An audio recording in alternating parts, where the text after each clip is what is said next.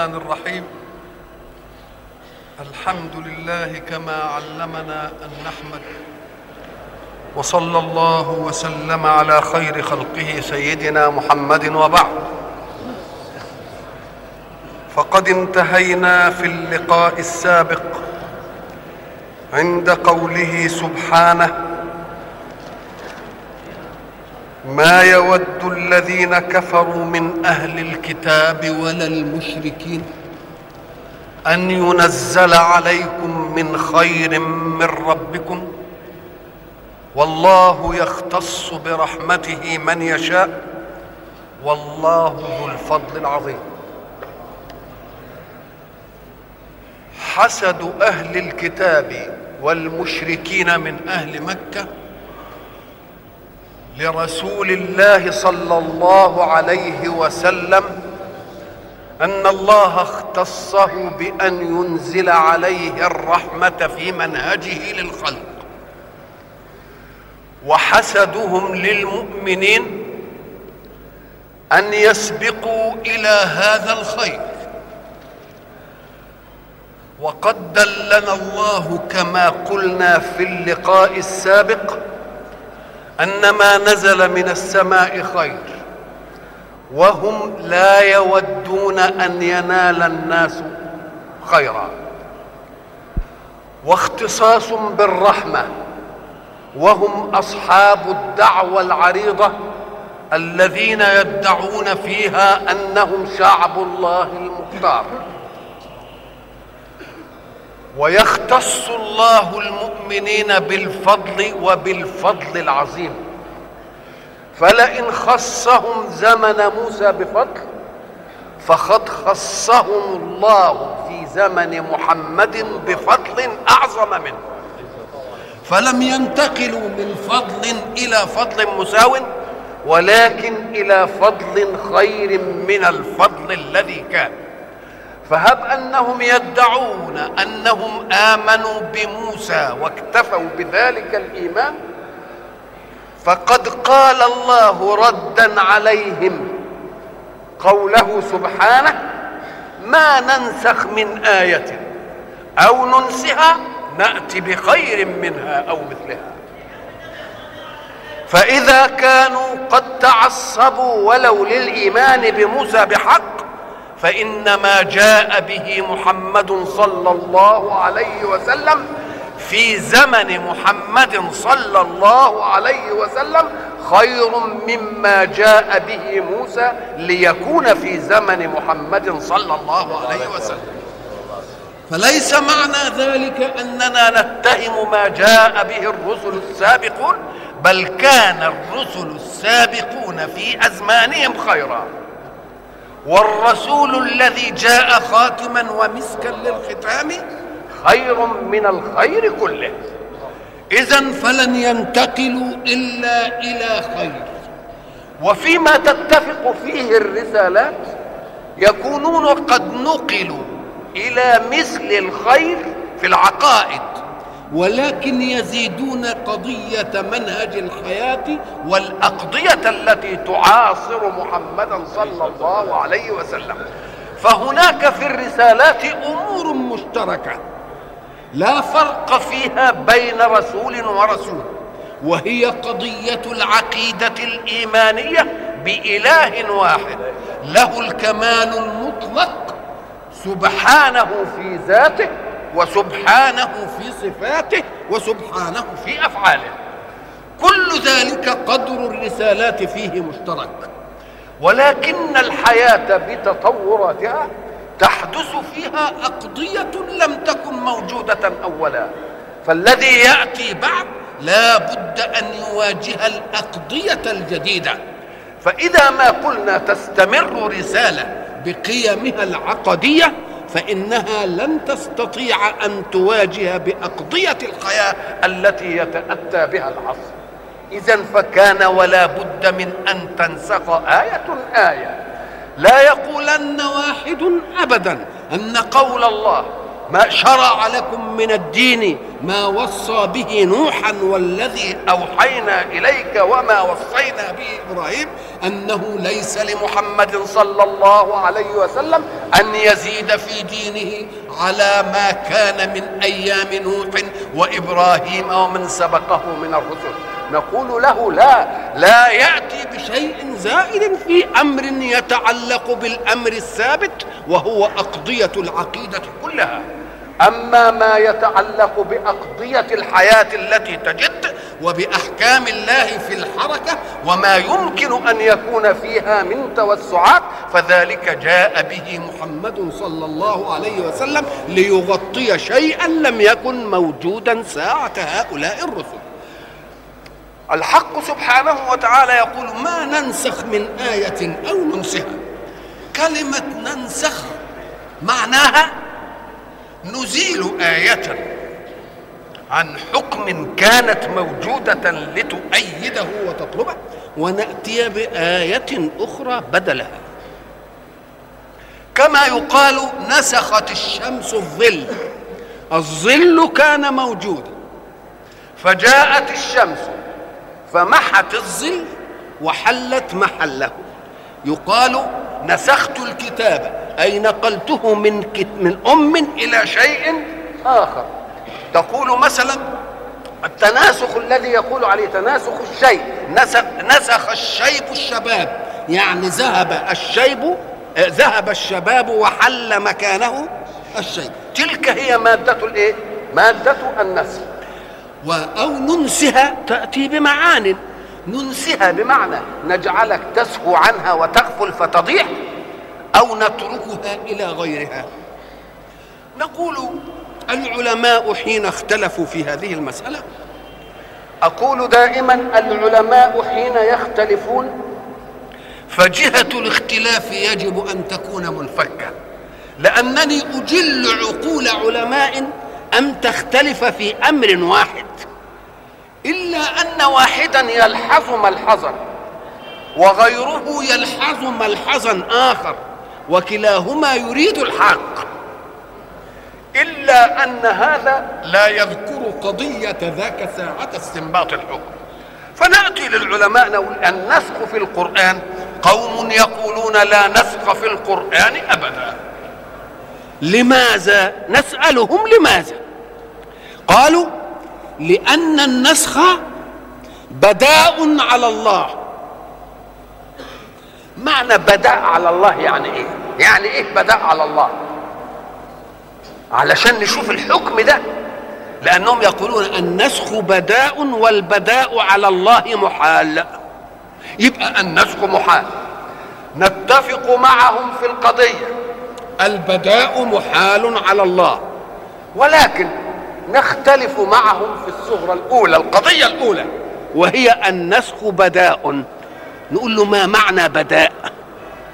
البداء هو أن تأتي بحكم ثم يأتي التطبيق فيثبت قصور الحكم عن مواجهة القضية فتعدل الحكم. كأنه بدا لك شيء جديد في القضية فعدلت الحكم. نقول لهم بهذا المعنى البداء محال على الله. البداء محال على الله. ولكننا لا نتفق معكم في أن معنى النسخ بداء. النسخ إزالة حكم والمجيء بحكم آخر نقول له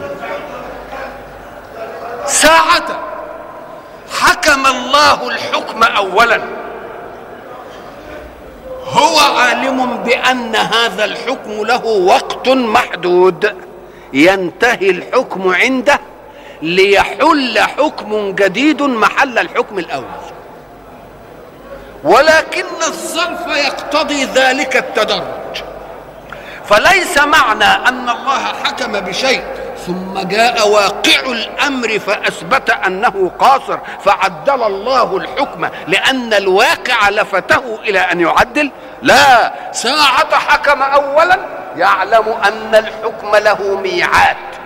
كما يقول البشر ده الحكم ده عايز فترة تمهيدية وبعد ذلك نصنع كذا ونصنع كذا. إذا فالمشرع أيضا في باله أن الحكم سينتهي. وليس معنى ذلك أن واقع الحياة هو الذي يلفت إلى أن نعدل الحكم. البشر كثيرا ما يعدلون قوانينهم. لماذا؟ لأن واقع التطبيق يثبت قصور الحكم عن مواجهة القضايا. نقول له هذا هو البداء. هذا لأنه ساعة قاننا اولا خفي عنه شيء. فجاء الواقع فلفته إلى الشيء. فبدأ له أن يعدل. لكن أمر الله ليس كذلك. يبقى أمر الله جعل الحكم موقوتا. فساعة جاء بالحكم الأول. مثلا حينما وجه الله المسلمين إلى بيت المقدس أكانت القضية عند الله أن القبلة إلى بيت المقدس طالما وجد مسلمون في الأرض ثم بدا له بعد ذلك أن يوجههم إلى الكعبة؟ لا. هو بد هو كان الأصل في في التشريع أن يوجههم إلى بيت المقدس مدة. ثم تنهى المدة بحكم جديد هو أن يتوجهوا إلى الكعبة. يبقى اذا الواقع ما لفتش. وإلا فما هو الواقع الذي لفت إلى أن نعدل القبلة من بيت المقدس إلى إلى الكعبة؟ لماذا؟ قال لك لأن الله لم يرد أن يوجهنا إلى الكعبة إلا بعد أن يثبت تطهيرها لله وحده. وأن لا يكون فيها بعد ذلك فكر لوجود صنم من الأصنام. فحين يتضح الذهن على أن الكعبة بيت الله ولا محل فيها لصنم من الأصنام حينئذ يمكن أن نتوجه إلى الكعبة بهذا المدلول. وإن تأخر أننا أخرجنا الأصنام منها إلى إلى يوم إلى غزوة الإيه؟ الفتح. وأيضا فلأن الله أراد بالتوجه إلى بيت المقدس اولا أن يثبت أن الإسلام دين متعد إلى كل الأديان. وأن بيت المقدس سيصبح من مقدسات ذلك الدين الجديد. وأنه لا يمكن لأحد أن يدعي أن مكة للإسلام وبيت المقدس لغير الإسلام. لا إله إلا الله فكلها للإسلام. ولذلك سرى برسوله صلى الله عليه وسلم من مكة إلى بيت المقدس ليثبت أيضا قداسة بيت المقدس عندنا حتى لا يتعصب المسلمون ضده لأنه كان في أيام داود وفي أيام سليمان. وحتى يثبت لغيرهم أن بيت المقدس من الآن أصبح داخلا في مفهوم الإسلام. فمفهوم الإسلام مفهوم متعد إلى كل الأزمنة وإلى كل الأمكنة وإلى كل المقدسات عند الله. وبعد ذلك يرد الله الأمر إلى أن يجعل الكعبة وهي بيت الله لأن بيت المقدس قلنا سابقا أن جميع بيوت الله إنما هي بيوت الله باختيار خلق الله. ولكن الكعبة بيت الله باختيار الله الله. اذا فيجب أن يكون بيت الله باختيار الله هو الكعبة التي يتجه إليها الناس جميعا. إذا فكان التوجه إلى بيت المقدس يناسب القضية الأولى 16 شهر. إلى أن يثبت ذلك المعنى ثم يوجه الله المسلمين كلهم إلى أن يتجهوا. إذا فقد نسخ القبلة من بيت المقدس. وجاء بخير من ذلك. لا يقال إن ما دامت هي خير. لماذا لم يوجهنا إليها أولا؟ لا بيت المقدس في زمن كان قبلة خير من أن تكون الكعبة بمفهومها الأول قبلة. ولكن بعد أن كان ما كان يصير بيت الله في الكعبة خير من بيت المقدس. الله الله الله إذا فالحق يقول إن تعصبتم لنبي كموسى وصدقنا أنكم متبعون له وغرتم على موسى وعلى اليهودية من أن يجيء دين نقول لا ما ننسخ من آية أو ننسها نأتي بخير منها أو مثلها هنا كلام يقال طب إذا كنا سنذهب إلى خير منها إياك أن تقول إلى خير منها في زمنها لا. لازم تلاحظ كل شيء بإيه يعني لو استب... لو استمر الحكم الأول إلى زمان الحكم الثاني لكان نقصا في الخير. يبقى الحكم الأول اللي نسخ لو استمر إلى زمن الحكم الثاني ما يبقاش خير.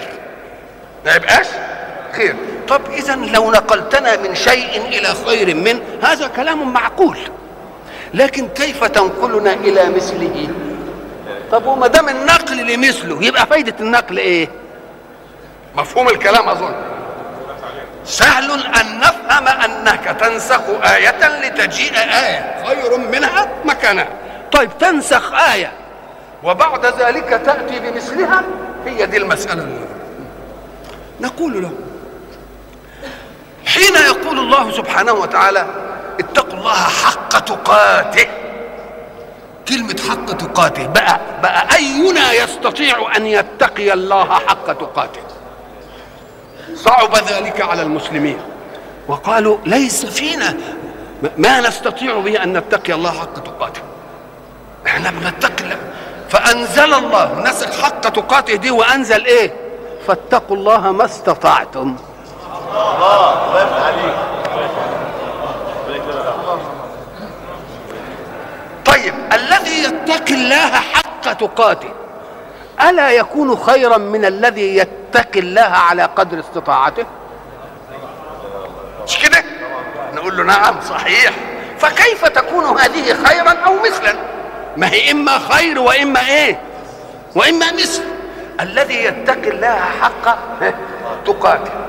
ثم راح ذهب بعد غير دي اتقى الله ما استطاع. أيهما أحسن؟ أن تتقي الله حق تقاته أم تتقي الله ما استطعت؟ حق تقاته. طيب اذا واتقوا الله ما استطعتم. لا هي خير من حق تقاته ولا هي مثله. ولا هي إيه؟ مثله. نقول له أنت بتحكم وفاتك شيء. ليه؟ قال لك لأن الشيء قبل ما أقول المثل عايزين نجيب مثل كده من دنيانا نقرب بها لأن الله يضرب الأمثال علشان إيه؟ تقرب المعاني. هب أن إنسان تاجر ويبيع الشيء مثلا بإنه يكسب 40% واحد تاني راح مذهب اقتصادي تاني قال أنا أنا هكتفي ب 15% اللي قال هكتفي ب 15% هيكسر عملائه. ودوكها مش هيوقع له إلا فيبقى صحيح الربح بتاعه الفردي كبير. ولكن بتكرر على الصفقات يبقى قليل. لكن أبو 15 ده بداية ما يبيع 100 متر هيبيع كام متر يبيع 1000 لما تجيب أنت ال1000 دول وتشوف ال 15% وحصيلة ال100 في 40% تجد إن هي الأكتار. آه. قال لك صحيح حق تقاطع تدي مكسب أكثر. فلا يقال إن ما استطعنا مثلها ولا خير منها. لكن حق تقاته تستطيع أن تصنعها في كم حكم من أحكام الله.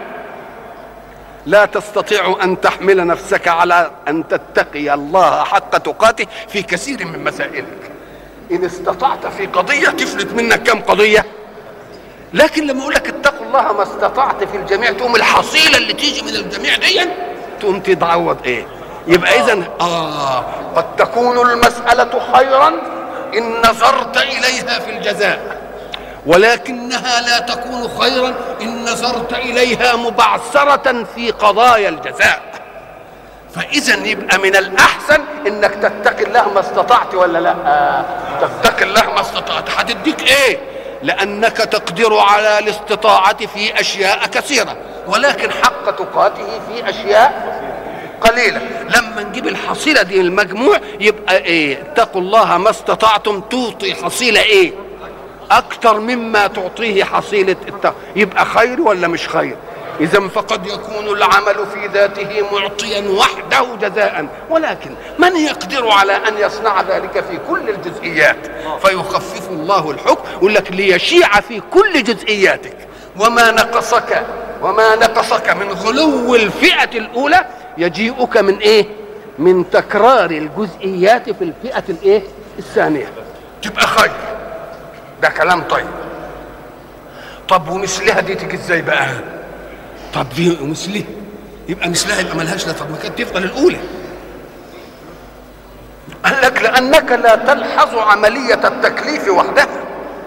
ولكن الحظ مع عملية التكليف ابتلاءات المكلف. ابتلاءات مين؟ المكلف. فيجي مثلا ما هي المشقة علينا؟ اذا فنقل الإنسان من شيء شاق إلى شيء أيسر. يبقى خير لأن دي عملياته هتبقى إيه؟ كتير. ولكن النقل إلى المثل نقوم نقول له طيب شوف كده. التوجه إلى بيت المقدس ثم توجهنا إلى الكعبة. أهنا مشقة أكثر من هنا؟ هي اتجاه وجه تبقى دي أصعب من دي ولا هم زي بعض؟ قد هي واحدة مش عملية مزاولة يعني مش العملية في الاتجاه هنا هتبقى صعبة وفي الاتجاه هنا هتبقى سهلة هي العملية إيه؟ آه إذا فوقعها بالنسبة لطاقة المتكلف متساوية يبقى دي مثلها ما زادتكش حاجة يا شيخ لا ادتك صعوبة ولا ادتك إيه؟ سهولة. قد بعضها هتتوجه هنا هتتوجه إيه؟ ولكن الحظ مع هذا ابتلاء المكلف لك بأن توجه وجهك حيث يريد. الله الله. الله يفتح عليك. يبقى إن, إن كانت مثلها هنا ومش هتدي تعب ولا مشقة ولا يسر ولا أي حاجة فيكفي أن تكون مؤتمرا بأمر الله يوجهك هنا فتتوجه ويوجهك هنا فتتوجه. ولا تقولش اشمعنى دي ومش اشمعنى دي. اذا فإذا نظرت إلى صعوبة التكليف في شيء وإلى سهولته في شيء فقد تأتي تك يأتي التكليفان مستويين في الأمر. فلا ذلك أصعب ولا ذلك أسهل. ويبقى إيه مثله ولا لا؟ آه مثله. امال تبقى المسألة إيه؟ قال لك لاحظ ابتلاءات المكلف في أن يلفت وجهك إلى حيث إيه؟ إلى حيث يريد. يبقى اذا قول الحق سبحانه وتعالى ما ننسخ من آية ونجيب آية مطرحها نأتي بخير منها أو نأتي إيه؟ مثلها طيب كلمة أو ننسها ما كان يكفي ما ننسخ من آية نأتي بخير منها أو إيه؟ أو مثلها وتنتهي المسألة ننسيها يعني إيه؟ قال لك العلماء ساعة تكلموا في هذا أظن كده إن فاتهم إنهم يريدوا. يجعلوا متعلق النسخ ومتعلق النسخ شيء واحد. أنا بقول لا خلينا نفهم شوية بهدوء بهدوء ساعة قال الله الحكم الأول. وفي إرادته أن يأتي بحكم آخر بعد مدة. يبقى ساعة جاء بالحكم الأول. أخر وترك الحكم الثاني. أخر وترك الحكم. إذا فساعة بيت الحكم الأول يبقى الحكم الذي يأتي في الزمن المقبل متروك ما دام في البال. ما دام إيه؟ في البال. يبقى هو في البال ولكنه متروك للإيه؟ إذا فالحكم حين يجيء أولا. يبقى موجود لوقت مخصوص سيترك هذا الحكم حين يجيء إيه؟ ميلاد الحكم الآخر. يبقى الحكم الآخر في انتظار إيه؟ في انتظار مهمة. يبقى متروك إلى أن تأتي إيه؟ مهمته. يبقى ما ننسخ من آية ما ننسخ من آية لأن ما ننسخ الآية دي هنا ليه؟ الناسخة ولا المنسوخة؟ ما ننسخ من آية هي المنسوخة. خلاص؟ أو ننسها. تبقى النسخة ولا لا؟ لا تبقى النسخة. يعني ترك ترك الحكم اللي هيجي أخيرا تركه ساعة جاء بالحكم الإيه؟ يبقى أنا عندي النسخ يقتضي إيه؟ ناسخا ومنسوخا. ما ننسخ من آية. هي المزالة ولا لا؟ هتترك الآن. طيب واللي هيجي.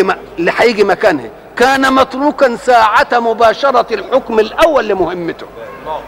يبقى إذا أنا خدت الاثنين الناسخ والمنسوخ معا. إذا فساعة جاء الحكم الأول. ترك الحكم الثاني إلى ميعاده ومولده. ساعة ترك الحكم الثاني إلى ميعاده ومولده. يبقى في البال الحكمين. الحكمين الاثنين بال حكم أبرزناه الآن وحكم أجلناه لمجيء ميعاده يبقى ما ننسخ من آية هي الناسخة أو ننسئها نتركها هي الإيه؟ آه يبقى الاثنين موجودين ولا لأ؟ يبقى كل حكم في في في إرادة الله وفي علمه أنه سيغير يبقى باشر مهمته في زمن ثم يأتي بعد ذلك مباشرة مهمته في زمن. والزمن اللي جاي له إيه؟ حكم تاني. يبقى الحكم التاني دي إيه؟ ترك ليباشر الحكم الأول مهمته في الزمن الإيه؟ الأول. يبقى ما ننسخ من آية إيه نزيلها؟ نزيلها. أو نتركها اللي هي من الإيه؟ اللي هي هتيجي تاني. اللي هتيجي تاني ما ننسخ من آية أو ننسها نأتي بخير منها أو مثلها. قد يكون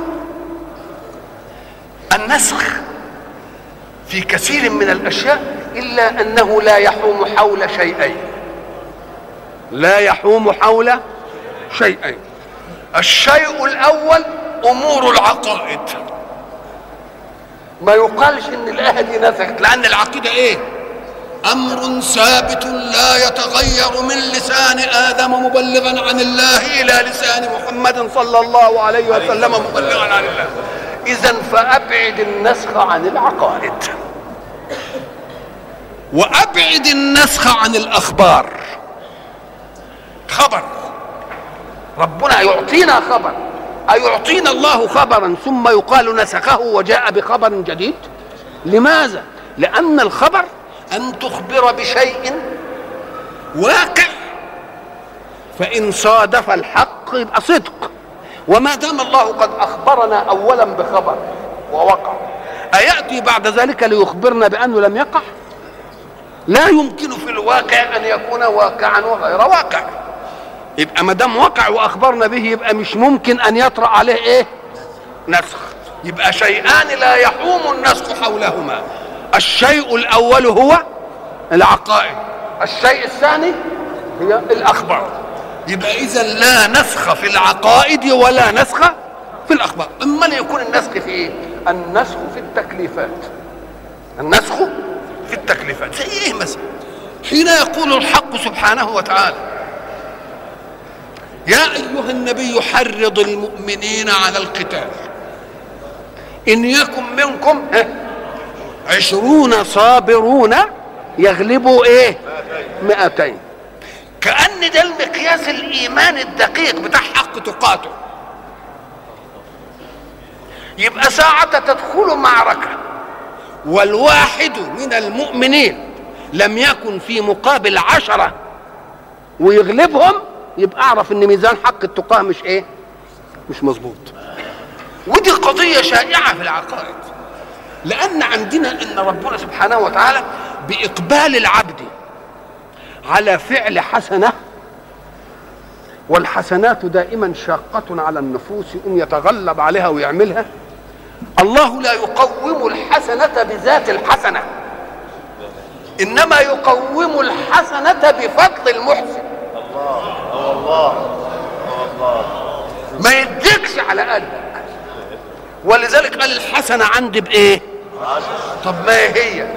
تتقي حق التقاه يبقى ألزمت نفسك إلزام منهجي صح؟ يقوم يقول لك أنا هديك دي إيه؟ عشرة. أهو دخلت في معركة يا مؤمن لازم تغلب مين؟ تغلب عشرة. تغلب؟ أراد المسألة صعبة أوي. ما هي داخلة في حق تقاة وداخلة في واحد لعشرة نسبة جامدة قوي وبعدين شوف بقى الحق سبحانه وتعالى عشان يعرف إنه هينقلنا إلى خير. الآن علم أن فيكم إيه؟ فإن يكن منكم إيه؟ عشرون صابرون إيه؟ فإن يكن منكم مئة صابرة يغلبون ألفا ألف. الله بقت واحد لإيه؟ لا مئة صابرة يغلبون مئتين. بقت واحد لإيه؟ لاثنين الله إيه اللي نقل النسبة من واحد لعشرة بقت واحد لمين طب ما هو جاب العلة الحيثية الأول. قال الآن علم أن فيكم ضعف ضعفا في المواجهة وضعفا في حق تقاته. يبقى أنا إذا قلت لكم الحكاية دي يعني يمكن ما وثقتوش من نفسكم لا تخوضون معارك إلا إذا كان عندكم يقين قوي إن الواحد هيغلب إيه؟ عشرة. تفوت منا معارك كتير. مفهوم؟ نقوم نسهلها ونخليها واحد لإيه؟ واحد لايه لاثنين آه يبقى أدي دي حكم. له قضية عقدية وله إيه؟ وله خبر. آه فإن يكن منكم يبقى يبقى خبر أريد به الإيه؟ أريد به التشريع الإنشائي. التشريع الانشائي مثلا ساعة كان في أول الإسلام ولم يتدرب المؤمنون على حمل أنفسهم على أقضية اليقين وحكم السماء؟ كانت المرأة مثلا إذا زنت يعملوا فيها إيه؟ يشهدوا أربعة عليها وبعد ذلك يمسكوها في البيت ما يدخلوش عليها حد تفضل كده. قال إيه؟ إلى أن يتوفاهن الله أو إيه؟ يجعل لهم سبيل أو يجعل لهم سبيل يعني. ولا إيه؟ واللاتي يأتين الفاحشة من نسائكم إيه؟ فأشهدوا عليهن أربعة إيه؟ منكم فإن شهدوا فأمسكوهن في الإيه؟ في البيوت حتى يتوفاهن الموت أو يجعل الله لهن سبيل وبعدين لما الإسلام بقى اختمر في النفوس وأصبحت قضية حمل الواقع على الواقع على المراد الايماني سهل قال لا ده عملية الإيه؟ الحد بقى. يبقى الرجم يا الإيه؟ يا الجلد لكن ساعتها حكم الحكم الأول. الذي ينبهنا على أن المشرع الأعلى وهو الحق في علمه الحكم الثاني. حتى يتوفاهن الموت يبقى فلتت بالحكم الأول. أو يجعل الله لهن إيه؟ يبقى فيه كلام تاني يمكن يجي بقى. مش كده؟ هيجي برضه هنا آية. فاعفوا واصفحوا. هذا كلام عادل نعفو ونصفح عن كل حاجة. قال حتى يأتي أمر الله. الله أكنه بيعدنا إلى أن الحكم ده إيه؟ هيبقى يجي. هيبقى يجي. فيه إيه؟ فيه كلام. فساعة يعطي الحكم الأول. يعطينا فكرة إن الحكم ده ليس إيه؟ ليس نهائيا. ومرة يجعلنا هكذا وبعد ذلك يأتي بالحكم النهائي بعد أن تمرن النفوس على تنفيذ الحكم عادة الإنسان منا أنه لفوت إلى فرعه دون أصله. يعني إيه لفوت إلى فرع دون أصله؟ لأن أصله بيبقى خطاه إلى الفناء. لكن فرعه وهو خطاهم إلى الحياة. يوم إن كان عنده حاجة بده يديها لمين؟ بده يديها لابنه يقول لك الأب ده ما خلاص بقى. فيشاء الله ان هو من لا يجعل المؤمن به يحكم في أن هذا يؤخذ قبل هذا والسن له حكم. قال لك ما يمكن يقعد يعيش اللي انت ده هيعيش أكتر من مين؟ يمكن المتقدم في السن دي بيخطو ناحية البقاء أوسع من خطو ابنك نحو الحياة. وده يموت ودوك ودوك هيفضل. فانت ما تقننش على إيه؟ على هواه. فأراد أن يخلعهم من أن يجعلوا أموالهم لمين؟ لأولادهم. وحب يلفتها إلى مين؟ الاصول فقال بقى آه إذا حضر القسمة أولي القربى والإيه واليتامى يرزقوهم منه. يعني كده أي حاجة آه كتب عليكم إذا حضر أحد الوصيه للوالدين. هي وصية ولا ميراث؟ كانت وصية في الأول. بقول له يعني ان كده حصل كده يبقى اجعل وصيه لمين؟ ليه؟ أم قال لك لأنك إذا مت فأنت الحلقة الموصولة بأبيك إنما أبنائك حلقة تانية أبنائك فما تكلش الحلقة اللي موصولة بك في الأب إلى رحمة وإحسان مين؟ لأن الإبن رأى عادة نشاطك أنت في تربيته لكن لعله لم يرى نشاط جده. فتبقى العاطفة ناحيته إيه؟ فلا تسلم والدك لرحمة ولدك. ويعطي له إيه؟ وصية من المال. فلما استقرت الأحكام في النفوس قال ده تبقى إيه؟ تبقى ميراث بقى. مش وصية توصي ولا ما توصيش تبقى إيه؟ تبقى ميراث. يبقى اذا الله سبحانه وتعالى يتدرج في مسألة الأحكام تعرضا لمصلحة من؟ لمصلحة من يشرع له فيعطيه الحكم ليستوفي الحكم أجله في مدة وفي إرادته وعلمه الأزلي أن الحكم سيباشر مهمته في ذلك الوقت ليأتي حكم آخر. يبقى النسخ على هذا ليس فيه بداء يا من تنكرون النسخ في القرآن. وإلا فماذا فكيف تقولون في قول الله وإذا بدلنا آية مكان آية؟ بدلنا آية مكان آية. يجي هو علشان يصحح مذهبه يقول لك ده تبديل الآيات في المعجزات. في الإيه؟ في المعجزات. إيه يعني في في ال- في المعجزات؟ أم أن كل رسول كلمة آية؟ قلنا فيها أنها تأتي للشيء العجيب. وقلنا أنها تأتي أيضا للإيه؟ للجملة من كتاب الله حاملة لحكم الله. مش كده؟ القرآن فيه آيات ولا لأ؟ والكون فيه آيات. إذا فقول الله سبحانه وإذا بدلنا آية مكان آية ممكن يحتمل ديا ويمكن يحتمل ديا طيب الآية هي الشيء العجيب. نعم ومن آياته إيه؟ الليل والنهار. مش دي ظاهرة في الكون. طيب وحين يؤتي الله رسله الآيات أي العلامات الواضحة على صدقهم مش هي المعجزة؟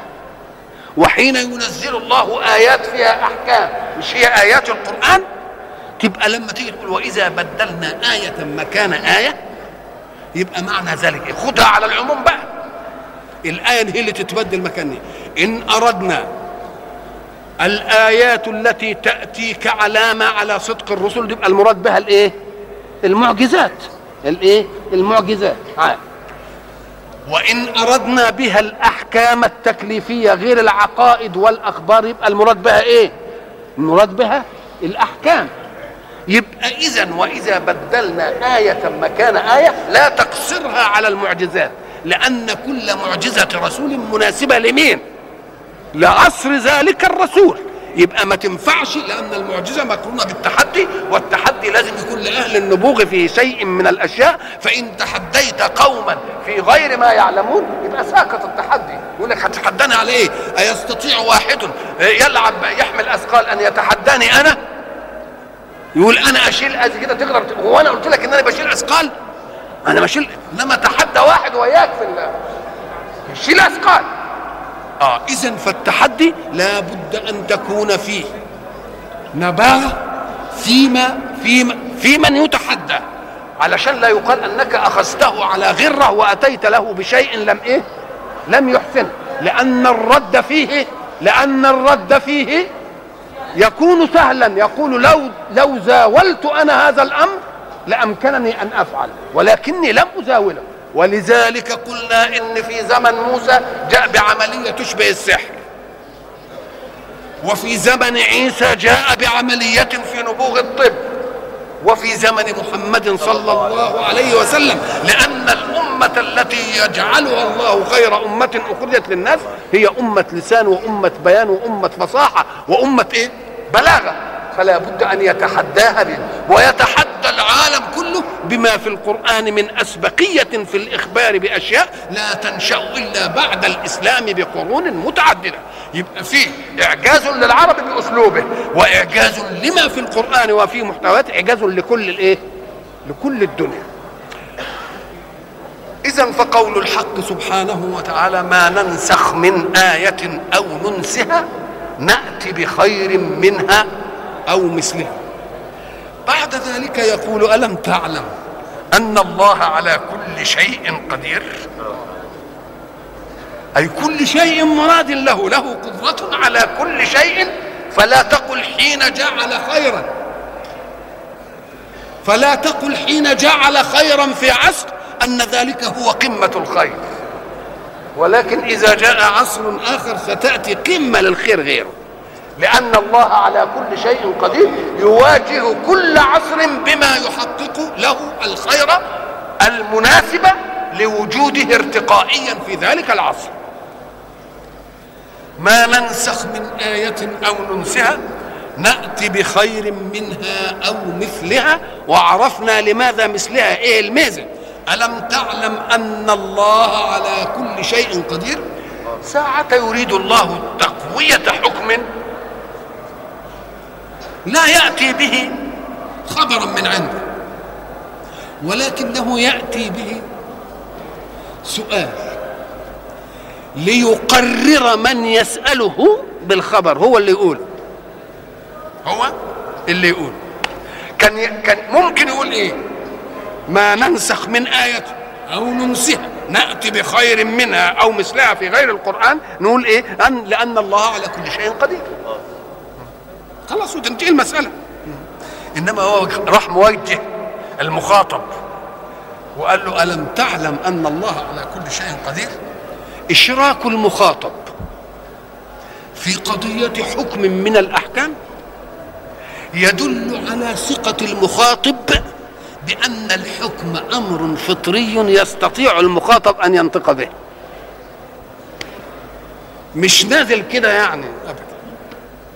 كما يكون فيه لجاج بينك وبين إنسان يدعي أنك لم تقم بحق كان من الممكن تقول له أنا أعطيتك كذا. وأعطيتك كذا وأعطيتك كلام من جهتك. لكن أنت تقول له ألم أعطيك كذا؟ مم. لا تقول ذلك إلا وعندك يقين أنه لن يستطيع أن يقول إلا نعم أعطيتك. فالتقرير هنا بال... وتقرير بإيه؟ كان يقدر يقول أعطيتك كذا ويؤدي. لا هو يجيب تقرير بالنفي. والله أنا أصلي ما عملتش وياك الشيء الفلاني. مش بيحصل كده؟ أصلا يا سيدي ما وستكش يوم ما حصل كذا ويوم يجي يستدرك كده ويلاقيك وسيته هل أنت قلت له أنا وسيتك يوم كذا؟ ألم أوسي...